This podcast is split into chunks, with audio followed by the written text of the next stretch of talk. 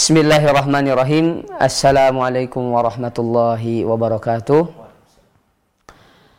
الحمد لله الحمد لله رب العالمين حمدا طيبا مباركا فيه كما يحب ربنا ويرضى وأشهد أن لا إله إلا الله وأشهد أن محمدا عبده ورسوله لا نبي ولا رسول بعده اللهم إني أسألك إن من نافعا ورزقا طيبا وعملا متقبلا ولسانا ذاكرا وقلبا خاشعا رب اشرح لي صدري ويسر لي امري واحلل عقدة من لساني يفقه قولي Ikhwanu Fiddin, azani Allah wa iyyakum para pemirsa MGI TV dan para pendengar radio Riyadul Jannah rahimani wa rahimakumullah.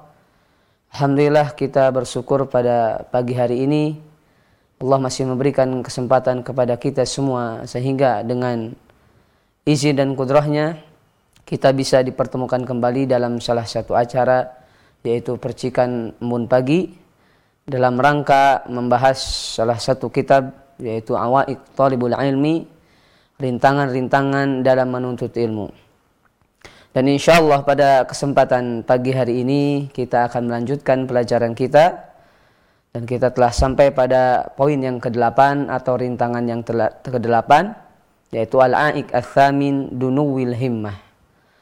Yaitu rintangan yang ke-8 rendahnya cita-cita di dalam menuntut ilmu. Ikhwani fiddin azani Allah wa iyyakum. Setiap kita setiap manusia pasti memiliki cita-cita yang sangat tinggi. Di antara kita ada yang bercita-cita ingin menjadi dokter. Di antara kita ada yang bercita-cita menjadi seorang insinyur. Dan tidak sedikit di antara kita ya bercita-cita untuk menjadi seorang pengusaha. Maka segala cita-cita itu akan diraih ya dengan cara bersungguh-sungguh. Dengan mengorbankan jiwa raga kita, kemudian mengorbankan harta kita ya. bahkan di antara kita ada yang menjual seluruh hartanya ya demi meraih cita-cita tersebut. Nah yang menjadi pertanyaan apa cita-cita yang paling tinggi di dalam menuntut ilmu?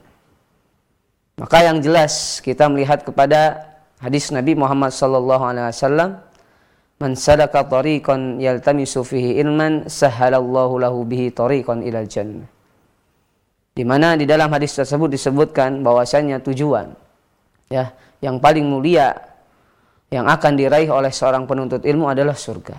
Maka cita-cita yang paling tertinggi di dalam menuntut ilmu adalah surga. Dan untuk meraih surga di dalam menuntut ilmu itu juga perlu pengorbanan. Ya, perlu pengorbanan harta, jiwa, raga, kemudian pengorbanan-pengorbanan yang lainnya. Ya, di antara kita mungkin ya penuntut ilmu cita-cita yang paling tertingginya menghafal Quran 30 juz. Atau mungkin menghafal Sahih Bukhari. Kemudian setelah hafal Sahih Bukhari cita-cita kita berlanjut kepada musnad imam. Ya hadis-hadis al-asanid dari para imam. Maka tentunya Ikhwan fiddin azani Allah wa semua cita-cita tersebut ya kita akan dapatkan dengan pengorbanan yang sangat besar. Tetapi mualif di sini menjelaskan bahwasannya kita melihat sebagian penuntut ilmu ada yang Allah berikan atau anugerahkan potensi kecerdasan yang luar biasa. Bahkan dengan kecerdasannya ya, ada sebagian penuntut ilmu jikalau memang ya di antara mereka yang Allah anugerahkan kecerdasan atau potensi yang sangat luar biasa itu bisa ya menjadikan diri mereka sebagai penulis kitab. Ya atau pentelaah kitab pentahkih kitab. Ya atau mungkin perbuatan-perbuatan atau amalan-amalan yang menjadikan seorang tersebut bisa bermanfaat di antara manusia yang lainnya. Tetapi sangat disayangkan, banyak orang yang dianugerahi potensi dan kemampuan yang luar biasa oleh Allah Subhanahu wa taala tapi dikarenakan rendahnya cita-cita mereka, rendahnya semangat mereka di dalam menuntut ilmu sehingga menjadikan cita, uh, potensi dan kemampuan yang luar biasa yang Allah anugerahkan kepada orang tersebut hilang begitu saja. Ya, itu karena tadi rendahnya cita-cita dia dalam menuntut ilmu. Sehingga ketika seorang rendah dalam menuntut ilmu, itu akan memberikan asar, akan memberikan efek kepada perjuangannya, kepada amal-amalannya. Sehingga banyak di antara mereka yang Allah berikan anugerah, tapi cita-citanya rendah, banyak di antara mereka yang tidak mau mentelaah kitab-kitab para ulama. Banyak di antara mereka yang menyibukkan ya waktu-waktunya dengan berhura-hura, berpoya-poya, bersenda gurau tanpa ya menuntut ilmu, mentelaah kitab-kitab para ulama dan menghafalkan ilmu-ilmu dalam agama ini. Oleh karena itu mu'alif mengatakan wa haula'i sur'anun ma tunzi'u milkiyatu qudratihim wa taslubu barakatu awqatihim. Dzalika bi anna kufran ni'mah muadzanun bi rahiliha kama anna syukraha muadzanun maka orang yang diberikan anugerah oleh Allah Subhanahu wa taala diberikan potensi dan kecerdasan yang luar biasa. Kemudian dia tidak memanfaatkan dikarenakan rendahnya cita-cita mereka maka orang tersebut merupakan orang yang kufur terhadap nikmat Allah Subhanahu wa taala di mana ketika Allah Subhanahu wa taala memberikan nikmat yang begitu besar, ya, dianugerahi dengan kemampuan yang luar biasa. Tetapi dia tidak memanfaatkan ya, kemampuan tersebut ya, menggunakan kemampuannya dengan hal-hal yang tidak bermanfaat. Dan kita tahu Rasulullah SAW bersabda dalam hadisnya, Man yuridillah bi khairan yufakihu fid din. Barang siapa yang Allah kehendaki baginya kebaikan, maka Allah pasti akan pahamkan baginya agama. Maka sejatinya kenikmatan yang paling nikmat yang Allah berikan kepada setiap hamba, yaitu kenikmatan di mana seorang diberikan pemahaman di dalam agama ini. Di mana Allah berikan wasilah perantara-perantara ya untuk memahami agama ini. Ketika Allah berikan wasilah tadi ya, salah satu wasilah yang sangat besar di mana Allah Subhanahu wa taala berikan kemampuan potensi yang sangat luar biasa. Yang mungkin potensi tersebut seandainya jika dimanfaatkan ya kepada hal-hal yang baik ya, menyibukkan dia untuk mempelajari ilmu ini, menyibukkan diri untuk menghafal Al-Qur'an, menyibukkan diri untuk menghafal hadis-hadis Nabi Muhammad wasallam maka tentunya orang tersebut termasuk orang yang Allah berikan kenikmatan yang sangat besar. Di mana Allah Subhanahu wa taala memberikan pemahaman kepada dia di dalam masalah agama ini. Dan merupakan kenikmatan yang sangat besar ketika seorang diberikan pemahaman di dalam agama ini. Ketika seorang diberikan anugerah ilmu atau anugerah pemahaman, potensi, ya kecerdasan di atas rata-rata, maka harusnya kita ya berintrospeksi kepada diri kita untuk melihat cita-cita semangat ya diri kita terhadap menuntut ilmu ini. Maka jikalau cita-cita kita tinggi di dalam menuntut ilmu ini, maka akan memberikan asar, memberikan efek ya terhadap amalan-amalan kita, terhadap ya perbuatan-perbuatan kita, ya wasilah-wasilah kita untuk mencapai cita-cita yang tinggi di dalam menuntut ilmu. Oleh karena itu mu'alib menukil salah satu ya perkataan salafus saleh. Qala al-Farra rahimahullahu taala la arhamu ahadan ka rahmati li rajulaini. Rajulun yatlubul ilma wa la fahma lahu wa rajulun yafhamu wa la yatlubuhu wa inni la a'jabu mimman fi was'ihi ayyatlubal ilma wa la yata'allam. Al-Farra berkata, bahwasannya aku tidak akan mengasihani seseorang yang mana belah kasihanku itu tidak melebihi dari dua orang tersebut. Seorang yang pertama yaitu orang yang menuntut ilmu tapi tidak diberikan kepahaman oleh Allah Subhanahu wa taala. Artinya dia menuntut ilmu sepanjang hari ya, sepanjang hidupnya, tetapi Allah Subhanahu wa taala belum berikan pemahaman kepada dia. Nah, kita sudah jelaskan di pertemuan yang lalu, bisa saja orang itu menuntut ilmu dan Allah belum berikan ya kepada kepada dia ya pemahaman dalam agama ini salah satu faktornya adalah dengan kemaksiatan. Di mana Abdullah bin Mas'ud mengatakan, "Inni la ahsab anna ar-rajula yansa al-ilma ya bi ma'siyatin qad amalah." Sungguh aku mengira bahwasannya seorang laki-laki lupa ya ilmunya melainkan ada satu kemaksiatan yang telah dia perbuat. Maka sangat disayangkan seorang yang menuntut ilmu di dalam hidupnya tetapi Allah Subhanahu wa taala belum fakihkan dia. Belum berikan pemahaman kepada dia ya dikarenakan faktor-faktor yang menghalangi dia untuk paham terhadap ilmu ini. Itu faktor kemaksiatan. Dan di sini umum kemaksiatannya ya.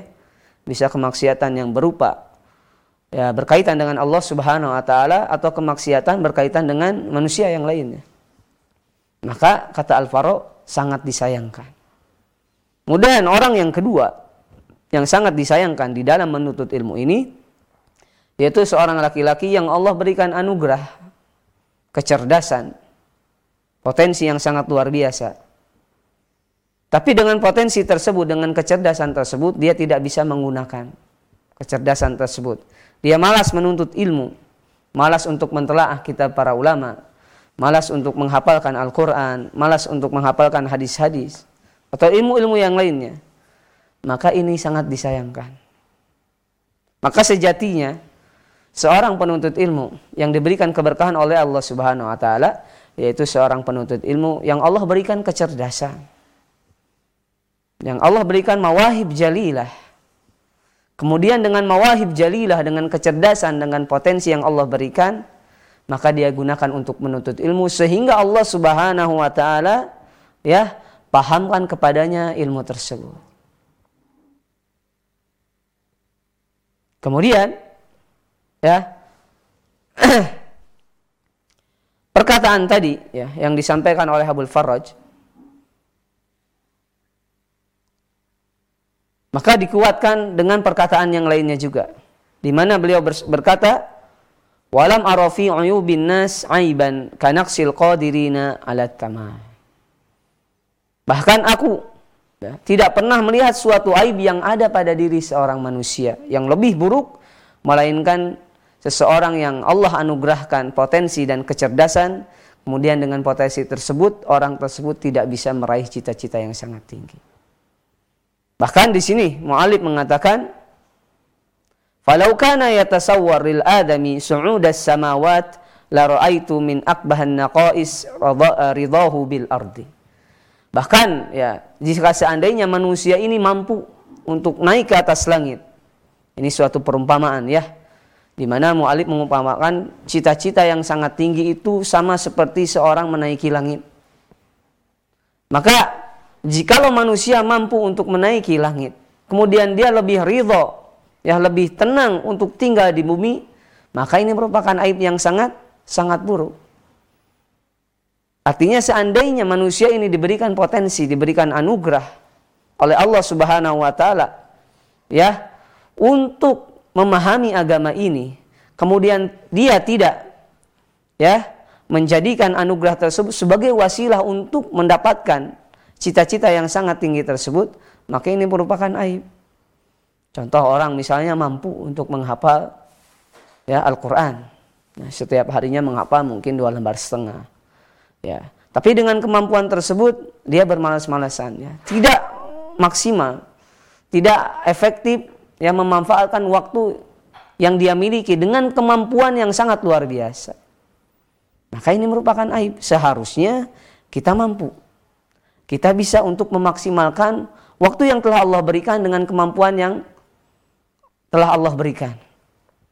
Kemampuan yang luar biasa, kecerdasan yang luar biasa. Maka seyogianya orang tersebut harus bisa memanfaatkan ya dengan anugerah yang telah Allah berikan sehingga orang tersebut bisa mencapai ya derajat yang sangat tinggi, cita-cita yang sangat tinggi di dalam menuntut ilmu ini. Oleh karena itu sering kita dengar ya. Ada seorang syair mengatakan dalam syairnya, "Fakun rajulan rijluhu fitharaya wa hamatu hammatuhu fithuraya." Maka jadilah seorang laki-laki yang kakinya berada di atas langit. Artinya bagi seorang penuntut ilmu, bagi kita semua, ketika kita ingin menuntut ilmu harusnya punya cita-cita yang sangat tinggi. Kalau kita ingin menghafalkan Al-Quran, maka kita harus bercita-cita untuk hafal 30 juz secara sempurna. Jangan bercita-cita hanya 10 juz saja. Jangan bercita-cita hanya 5 juz saja. Seandainya jika kita ditakdirkan untuk bercita-cita menghafalkan hadis, maka kita harus memiliki cita-cita yang sangat tinggi. Ya, kita coba untuk bercita-cita menghafalkan Sahih Bukhari. Ya, kemudian lanjut kepada hadis-hadis yang lain. Kemudian wahamatuhu hammatuhu fi. Kemudian ketika seorang juga ingin memiliki cita-cita, maka harus memiliki cita-cita yang mana cita-citanya itu seperti bintang-bintang yang ada di langit. Maka ada satu kisah yang sangat mulia, kisahnya sangat masyur, yang sering kita dengar. Di mana kisah seorang pemuda Muhammad Al-Fatih seorang pemuda yang bisa menaklukkan kota Konstantinopel. Dan kita tahu kota Konstantinopel adalah kota yang paling kuat ketika itu di muka bumi. Bahkan dikatakan di dalam sejarah uh, benteng yang membentengi kotanya itu ada 12 meter.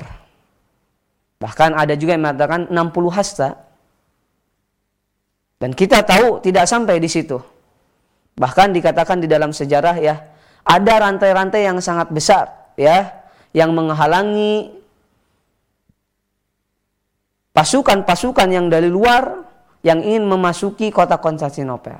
Bahkan perahu-perahu yang besar pun tidak bisa untuk melewati teluk sehingga sampai kepada kota Konstantinopel. Tetapi Muhammad Al-Fatih ya tidak sampai berhenti di situ. Karena kita tahu Konstantinopel itu sebelumnya sudah ditaklukkan Afwan sudah dicoba untuk ditaklukkan oleh pasukan yang lainnya dan tidak berhasil. Maka Muhammad Al-Fatih ini mendengar satu hadis Nabi Muhammad SAW. Hadis ini diriwayatkan oleh Imam Ahmad. Latustaftahan al-Qastantiniyah fala ni'mal amiru amiruha wa ni'mal jaishu jaishuha. Maka sungguh kota Konstantinopel ini akan ditaklukkan. Maka senikmat-nikmat atau sehebat-hebat pemimpin adalah pemimpin ketika itu. Dan sekuat-kuat tentara adalah tentara ketika itu. Maka di antara para sahabat ketika itu berlomba-lomba ya. Dimulai dari uh, masa Uthman bin Affan radhiyallahu anhu. Ya. Kemudian sampai dengan masa Muawiyah bin Abi Sufyan yang mana kita tahu bahasanya apa namanya ketika khilafah Muawiyah itu termasuk salah satu khilafah yang paling banyak menaklukkan eh, tempat-tempat. Tetapi Konstantinopel itu tidak pernah bisa ditaklukkan sampai masa Muhammad Al-Fatih. Maka di usianya yang 21 tahun bahkan dikatakan tidak sampai 25 tahun. Dia mencoba untuk masuk ke Konstantinopel dan menaklukkan kota tersebut. Sampai dikatakan bukan sekali dua kali. Ya, kenapa Muhammad Al-Fatih tidak patah semangat ya, tidak berhenti sampai di situ. Karena dia ingin punya cita-cita agar dirinya termasuk orang yang disabdakan oleh Nabi Muhammad SAW dalam hadis tersebut. Sehingga dengan segala upaya ya, dengan mempersiapkan strategi, kemudian menyiapkan apa namanya bala tentaranya, maka Muhammad Al-Fatih ini pergi ke, ke Konstantinopel, kemudian dengan izin Allah Subhanahu wa taala Allah bukakan kemenangan baginya. Dan ini busyra, kabar gembira baginya. Dia adalah termasuk orang disabdakan oleh Nabi Muhammad SAW di jauh-jauh hari. Ya, maka Muhammad Al-Fatih ini bisa menaklukkan Konstantinopel dengan himmatun aliyah. Dengan cita-cita yang sangat tinggi sehingga ketika cita-cita seseorang tersebut tinggi bisa memberikan athar efek kepada amalannya. Kemudian Mu'alib mengatakan walau amkanaka ubur kulla ahadin minal ulama waz zuhad faf'al fa innahum kanu rijalan wa anta rajul wa ma qa'ada min qa'din illa lidunu atil himmah wa khasasatiha. Maka Mu'alib mengatakan, jikalau engkau ya ingin melampaui salah satu ulama, nah, perlu kita pahami. Maksudnya melampaui di sini bukan menggeserkan kedudukan para ulama, menyaingi para ulama. Artinya di sini ada ghibtoh. Ghibtoh itu rasa iri ya untuk ya sama memiliki ilmunya. Bukan menghilangkan kenikmatan atau ilmu yang ada pada para ulama tersebut. Maka disebutkan dalam hadis kan la hasada illa fisnatain. Ada dua poin yang kita boleh hasad. Pertama adalah masalah ilmu, kedua adalah masalah Al-Qur'an. Maka jika engkau berniat untuk melampaui artinya menyamai ilmu seorang ulama atau lebih alim, maka silahkan saja. Boleh-boleh saja. Faf'al, silahkan lakukan. Karena mereka laki-laki dan engkau laki-laki. Artinya tidak ada perbedaan fisik tidak ada perbedaan apa namanya akal. Kita kita diberikan akal yang sehat. Para ulama diberikan akal yang sehat. Ya, hanya saja yang membedakan cita-cita. Cita-cita para ulama sangat tinggi. Ya, kita bisa ambil contoh ya, di mana sebagian para ulama itu hafal Quran di masa di masa belia, di masa muda 10 tahun. Ini menunjukkan cita-cita mereka sangat tinggi. Karena ketika cita-cita kita tinggi akan memberikan asar efek kepada kinerja kita. Sehingga ketika Imam Syafi'i hafal di umur 10 tahun itu sudah dipastikan ketika dia kecil dia sudah bercita-cita akan menghafalkan 30 juz. Sehingga di masa mudanya beliau hafal 30 juz. Lain halnya dengan kita hari ini. Ya, bahkan di antara kita ya, ada yang menuntut ilmu bertahun-tahun tapi belum Allah berikan ya kesempatan untuk hafal 30 juz. Nah, bisa jadi mungkin introspeksi ya bahwasanya cita-cita kita dulu itu belum tinggi dalam menghafalkan Al-Qur'an. Maka lakukan. Tidak ada perbedaan. Kita laki-laki, mereka laki-laki. Yang membedakan adalah cita-cita dan kinerja kita dalam menuntut ilmu ini. Dan mualib ya mentandih mewanti-wanti kepada kita semua atau memberikan uh, motivasi di dalam kitab ini wa'lam annaka fi maidanin sibakin wal awqat tantahib fala takhlud ila kasalin fama fata ma fata illa bil kasal wala nala nalin illa bil jid wal azm ketahuilah bahwasannya kita ini sedang berada di medan pertempuran ya dalam talabul ilmi adalah jihad medan pertempuran maka waktu kita terbatas di antara kita ada yang menuntut ilmu kemudian Allah ambil atau wafatkan di usia yang sangat muda. Ada di antara kita yang menuntut ilmu sampai umur 70 tahun, ya. Kemudian berlanjut sampai umur 80 tahun, Allah masih berikan kesempatan dia untuk menuntut ilmu. Waktunya terbatas. Ya, dan kita tahu ya, umat Nabi Muhammad SAW itu kisaran umurnya 60-70. Ya, ada yang sampai 100 tapi kan jarang. Artinya waktu kita ini ya sekitar 60, 70, 80 tahun. Maka kita harus manfaatkan. Waktunya sangat terbatas. Maka fala takhdu ila kasalin. Maka jikalau engkau ingin memiliki cita-cita yang sangat tinggi, jangan engkau duduk berleha-leha, bermalas-malasan. Ya, dan tidaklah kebaikan itu hilang atau luput dari diri kita kecuali dengan kemalasan. Ya, maka seorang memiliki cita-cita sangat tinggi hafal 30 juz. Maka tentunya ya sebagai aplikasi cita-cita tersebut kita harus berusaha mencoba mengatur memanage waktu agar kita bisa ya hafal 30 juz dalam mungkin waktu lima tahun, enam tahun atau tiga tahun. Dan tidaklah kita akan mendapatkan memperoleh sesuatu kebaikan melainkan dengan bersungguh-sungguh. Maka kebaikan ini akan diraih dengan dengan sungguh-sungguh. Ilmu ini akan diraih dengan sungguh-sungguh. Dan kita kemarin uh, apa namanya memaparkan satu perkataan Imam Syafi'i rahimahullah taala. Dan perkataan ini sangat masyhur. Lan tanalul ilma illa bisitdah ya seorang penuntut ilmu itu tidak akan mendapatkan ilmu kecuali dengan enam enam perkara saunabbiuka bitafsiriha maka aku akan beritahu dengan detail ya dakaun wajtihadun wa hirsatun wa bulghah Ya, kemudian waktu zaman wa irsyadu ustad. Yang pertama adalah kecerdasan. Nah, tadi ya, kalau seorang sudah diberikan kecerdasan, itu belum cukup untuk memahami agama ini. Wajtihadun. Yang kedua, wajtihadun bersungguh-sungguh. Ya, wahirsun, ya bersungguh-sungguh juga wabul ghotun. Kemudian harus punya harta, punya ekonomi. Kemudian tulu zaman, harus sabar ya, harus sabar di dalam menuntut ilmu ini. Kemudian wa irsyadu ustadin, arahan dari seorang seorang guru. Maka ada satu ada dua kisah di dalam perang Uhud ya. Kita tahu perang Uhud itu terjadi pada tahun 3 Hijriah setelah perang Badar. Di mana ada dua kisah yang inspiratif yang memotivasi kepada kita semua agar kita ya memiliki cita-cita yang sangat tinggi di dalam kehidupan ini, terutama dalam thalabul ilmi. Kisah Hamzalah masyhur ya. Hamzalah yaitu seorang laki-laki yang sebelum perang Uhud ya beliau itu menikah ya. Jadi pada malam hari beliau itu junub ya berjima dengan dengan istrinya kemudian di pagi hari Rasulullah mengumumkan kepada para sahabat untuk berperang ke medan Uhud maka dengan himmah aliyah dengan cita-cita yang sangat tinggi dia ingin syahid fi sabilillah. Ingin berjihad di jalan Allah Subhanahu wa taala.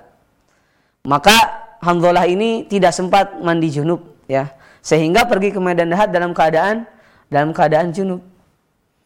Nah, dan Allah Subhanahu wa taala menganugerahkan kepada dia mati syahid. Bahkan Rasulullah mengatakan ketika ya para sahabat selesai dari medan perang, maka Rasul mengatakan ghasiluhul malaikah.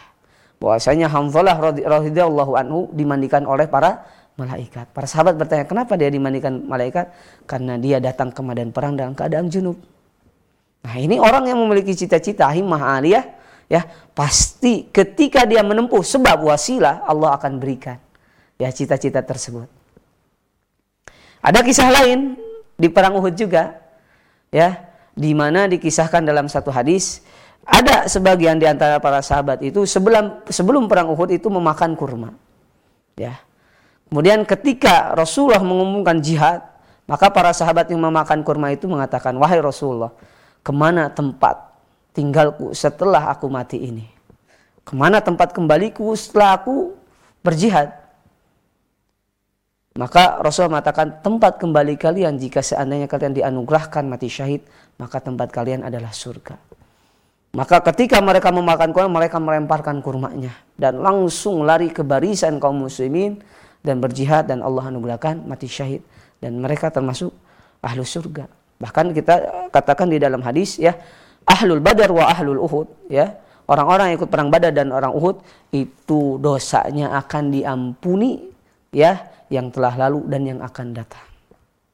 Karena begitu besar kedudukan mereka. Himmah aliyah cita-cita mereka itu syahid. Dan kita ambil contoh ya. Di mana Khatib bin Abi Balta seorang sahabat ya yang mana Khatib bin Abi Balta menulis surat kepada orang kafir Quraisy memberitahu tentang strategi ya strategi kaum muslimin atau kedatangan kaum muslimin ke negeri Mekah ya membocorkan. Dikirimkan kepada seorang wanita ya untuk dikirimkan kepada pembesar kaum kafir Quraisy. Ini merupakan khianat ya pengkhianatan yang sangat besar dosa yang sangat besar dan ketika Umar radhiyallahu anhu mengetahui tentang Khatib bin Abi Batah, maka Umar bin Khattab mengatakan, "Wahai Rasulullah, idan li an adrib unuqah." Izinkan aku untuk menebas kepala orang ini. Apa kata Rasulullah SAW? Wahai Umar, Khatib bin Abi Batah adalah ahlu Badar dan ahlu Uhud. Yang Allah subhanahu wa ta'ala telah ampuni dosa yang lalu dan yang akan datang. Maka aku tidak berani untuk menghukumnya. Nah, kenapa orang tersebut mendapatkan keutamaan yang sangat tinggi? Itu dia himmah aliyah ya. Tadi cita-cita yang sangat tinggi. Kemudian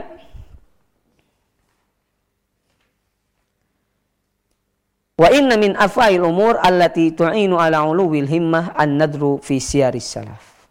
Radhiyallahu anhum fa inna ahwalahum ghayatul kamal ilman wa amalan. Fa idza ma ra'aha at-talib izdara nafsah wa qalla amaluhu fi ainihi fasa'a lil huquqi bil qaumi wa tashabbuh bihim wa man tashabbah bi qaumin fahuwa minhu. Maka mualif memberikan solusi ya di dalam akhir pembahasan solusi yang paling tepat supaya orang itu terbakar motivasinya, cita-citanya di dalam hidupnya ya, terlebih di dalam menuntut ilmu ini. Maka solusi yang paling tepat wa inna min anfa'il umur allati tu'inu ala uluwil himmah. Salah satu manfaat yang membuat atau membakar motivasi semangat menuntut ilmu adalah sering mentelaah membaca kisah-kisah para salafus soleh. Maka salafus soleh masuk di antaranya para sahabat. Tabi'in, tabi'ut tabi'in dan orang-orang setelahnya. Karena orang-orang atau para salafus soleh termasuk orang-orang ya yang mengamalkan ilmu mereka. Maka ketika seorang membaca kisah-kisah para salafus soleh itu akan membakar semangatnya, kemudian akan menjadikan dirinya merasa kurang. Ya, ketika kita mohon maaf hari ini hafal 30 juz. Antum boleh ya mengatakan atau mungkin sedikit berbeda di antara teman-teman yang lainnya kan hafal 30 juz. Tapi ketika antum melihat kisah para sahabat antum merasa malu. Akhir mereka bukan hafal 30 juz saja. Mereka hafal apa namanya? hadis-hadis, kemudian perkataan-perkataan para ulama, kemudian hafal-hafal matan-matan, hafal-hafal kaidah-kaidah. Maka kita akan merasa malu. Dan ini akan membakar semangat kita, cita-cita kita. Kalau hari ini kita hafal Arba'in Nawawi dan 30 juz, maka coba baca kisah para ulama. Mereka banyak yang hafal ya. Hadis-hadis sahih. Misalnya Imam Bukhari hafal beribu-ribu hadis, enam ribu hadis. Maka kita akan merasa mau dan akan terbakar semangat dan motivasi kita. Maka lihat kisah para nabi ya di dalam hidupnya mereka memiliki cita-cita yang sangat mulia cita-cita yang paling utama ya para nabi itu adalah anikbudullah wajtanibut tagut. Ya, agar manusia ini menyembah Allah Subhanahu wa taala dan menjauhi tagut. Itu cita-cita para nabi. Dan itu disebutkan dalam Al-Qur'an.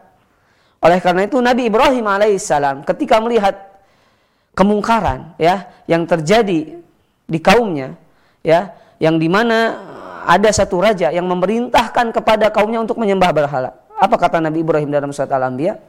Watallahi la dan asnamakum ba'da an tuwallu mudbirin. Maka watallah menggunakan sumpah dan demi Allah sungguh la dan menggunakan kalimat lam taukid.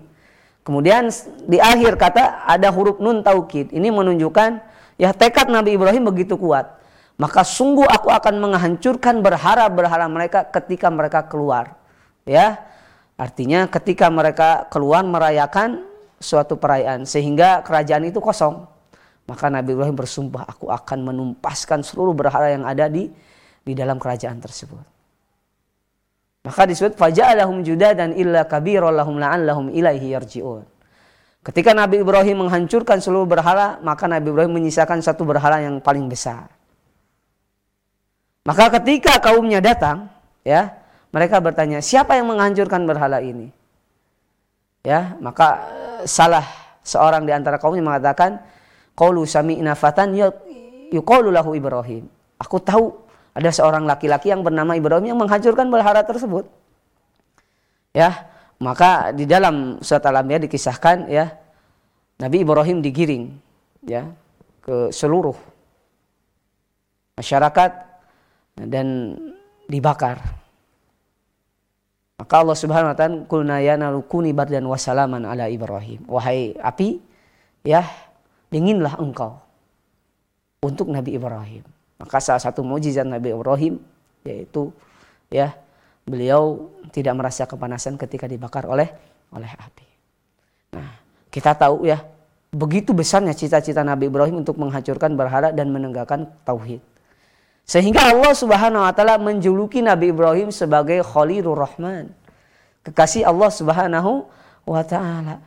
Dan sering kita dengar di dalam Al-Qur'an, inna ya Ibrahim kanat ummatan wahidan qanitan lillahi hanifa. Sungguhnya ajaran Nabi Ibrahim adalah ajaran yang lurus. Kenapa Allah Subhanahu wa taala yang memberikan julukan kepada risalah Nabi Ibrahim sebagai agama yang lurus, risalah yang lurus. Karena perjuangan Nabi Nabi Ibrahim alaihi alaihi salam. Itu mungkin ya para pemirsa MGI TV ya insya Allah kita akan sebutkan faidah di mana seorang itu ya, memiliki cita-cita yang sangat tinggi di dalam penuntut ilmu ini setelah jeda berikut ini. Baik Ustaz, jazakumullahu khairan untuk pembahasan yang tadi disampaikan oleh Ustaz ya ini dari rintangan yang ke-8 dalam menuntut ilmu dari kitab Awaiqut Talabul Ilmi dari kitab rintangan-rintangan menuntut ilmu yaitu tentang rendahnya cita-cita atau rendahnya motivasi dan juga semangat kita dalam menuntut ilmu. Dan setelah yang satu ini sebagaimana telah disampaikan oleh Ustaz akan kembali kita teruskan yaitu dalam faidah-faidah yang bisa kita ambil. Tetap bersama kami di program Percikan Bun Pagi, Sirami Hati, Tumbuhkan Benih Islami.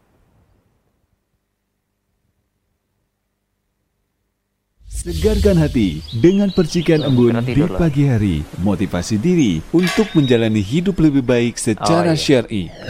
Simak acaranya setiap hari, Senin dan Kamis, live dari studio MGI TV dan Radio Riyadul Jannah 104,5 FM di Komplek Pondok Pesantren Ihya As-Sunnah, Jalan Terusan Pasir BCA Tugu Raja Cihideng, Kota Tasikmalaya. Untuk Sabtu dan Ahad on air by tapping. Ikuti terus kajiannya setiap hari pukul 5 aja hingga dikit. pukul 6.30 waktu Indonesia bagian Barat. Segarkan hati dengan percikan embun pagi. MGI TV, medianya umat Islam. Kusisipkan kepingan harta untuk sebuah perjalanan. Untuk memenuhi panggilan agung ke Baitullah.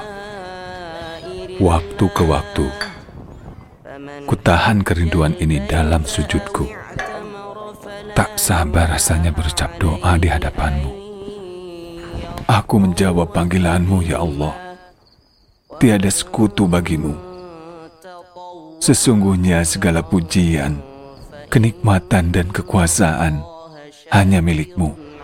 Wujudkan harapan dan lepaskan kerinduan ke Baitullah bersama MGI Travel. Siap melayani kebutuhan umroh Anda mulai dari keberangkatan, panduan di tempat tujuan, sampai kembali ke tanah air. Dapatkan program Mega Umroh, spesial umroh bersama Asatid MGI TV. Satu kali dalam setahun, umroh itikaf Ramadan selama 15 hari, umroh liburan akhir tahun, umroh reguler, dan umroh eksklusif keluarga. Untuk informasi lebih lanjut, hubungi 085 6106 028 atau kunjungi Graha MGI lantai 1 Jalan Caman Raya nomor 50E Jati Bening Bekasi bersama MGI Travel. Wujudkan harapan, lepaskan kerinduan ke Baitullah.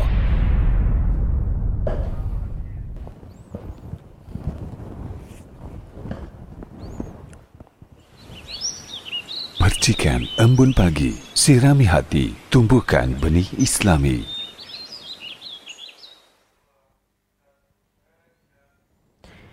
Baik sahabat kembali Islam, kembali berjumpa di pagi hari ini dalam program Percikan Bun Pagi, Sirami Hati, Tumbuhkan Benih Islami. Setelah kita break sejenak dan telah dibahas oleh Al-Ustadz beberapa penjelasan tentang kurangnya semangat dan rendahnya cita-cita dalam menuntut ilmu dan kita akan kembali melanjutkan ya ini dari poin-poin faidah yang bisa kita ambil dari rintangan menuntut ilmu yang ke-8 yaitu tentang rendahnya cita-cita. Kami persilakan kembali Ustaz.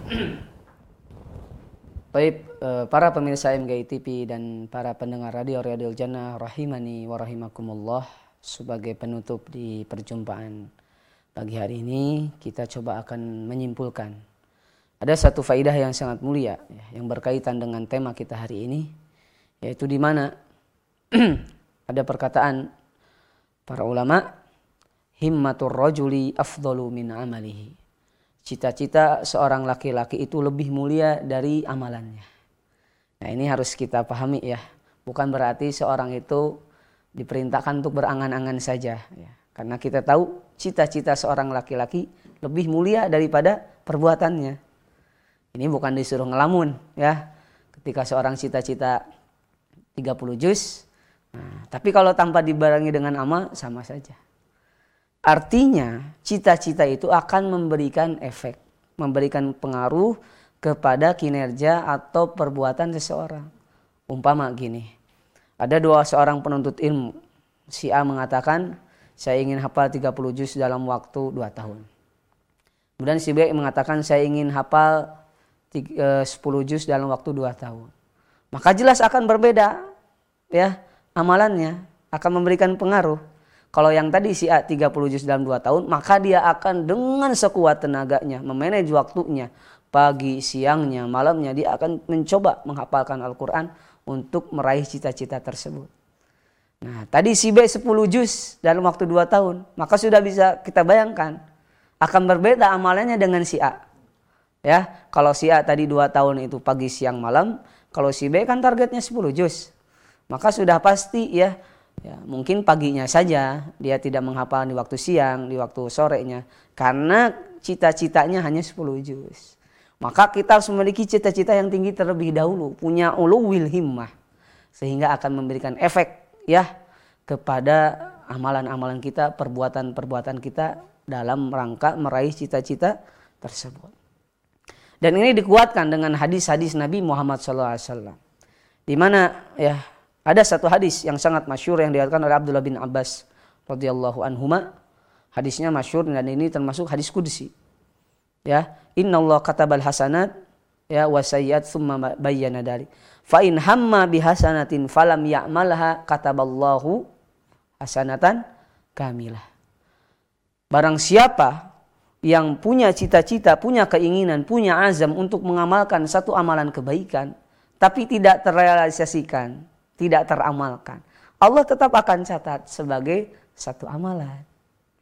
Jadi menunjukkan kemurahan Allah Subhanahu wa taala, kemudian motivasi dari Allah Subhanahu kepada kita agar kita ini harus memiliki itikad apa tekad dulu, azam terlebih dahulu, cita-cita dulu yang mana akan memberikan pengaruh. Maka Allah akan catat. Kemudian di dalam hadis yang lain Rasulullah bersabda, Man sa'alallahu syahadata bisidqin. Ya. Walam ballaghahu Allahu manazila syuhada wa in mata ala firashi. Barang siapa yang meminta kepada Allah Subhanahu wa taala dengan bersungguh-sungguh ya agar dia mati syahid. Maka Allah Subhanahu wa taala akan berikan ya atau anugerahkan syahid kepada orang tersebut walaupun mati di atas di atas ranjang. Kalau punya keinginan, ya, kemudian ditempuh wasilahnya. Ini kita harus pahami, ditempuh wasilahnya. Karena sejatinya cita-cita yang sangat tinggi, tekad yang sangat bulat, ya, tekad bulat itu pastinya ya akan berbuah apa namanya? akan berbuah amalan. Jadi nggak mungkin kalau hormatan saya ingin hafal 30 juz ya tapi tidak berusaha. Itu hanya angan-angan belaka. Dan kita tahu Khalid bin Walid radhiyallahu anhu. Dia adalah seorang pemimpin, bahkan dikatakan dalam sejarah beliau itu ketika memimpin tidak pernah kalah sekalipun. Dan kita tahu perang Uhud, kaum muslimin ketika itu terpukul mundur, kalah dikarenakan faktor atau strategi Khalid bin Walid. Dan Umar radhiyallahu anhu ketika itu pernah mencopot jabatan Khalid bin Walid ketika menjadi panglima ya pada perang Yarmuk ya. Kemudian Umar bin Khattab memerintahkan Abu Ubaidah al Jarrah untuk menggantikan posisi Khalid bin Walid. Kenapa? Karena tahu ya supaya kaum muslimin itu tidak bersandar kepada Khalid bin Walid. Yang mana ketika Khalid memimpin itu selalu menang. Tetapi di dalam sejarah Khalid bin Walid meninggal bukan di medan jihad. Dia meninggal di atas kasurnya.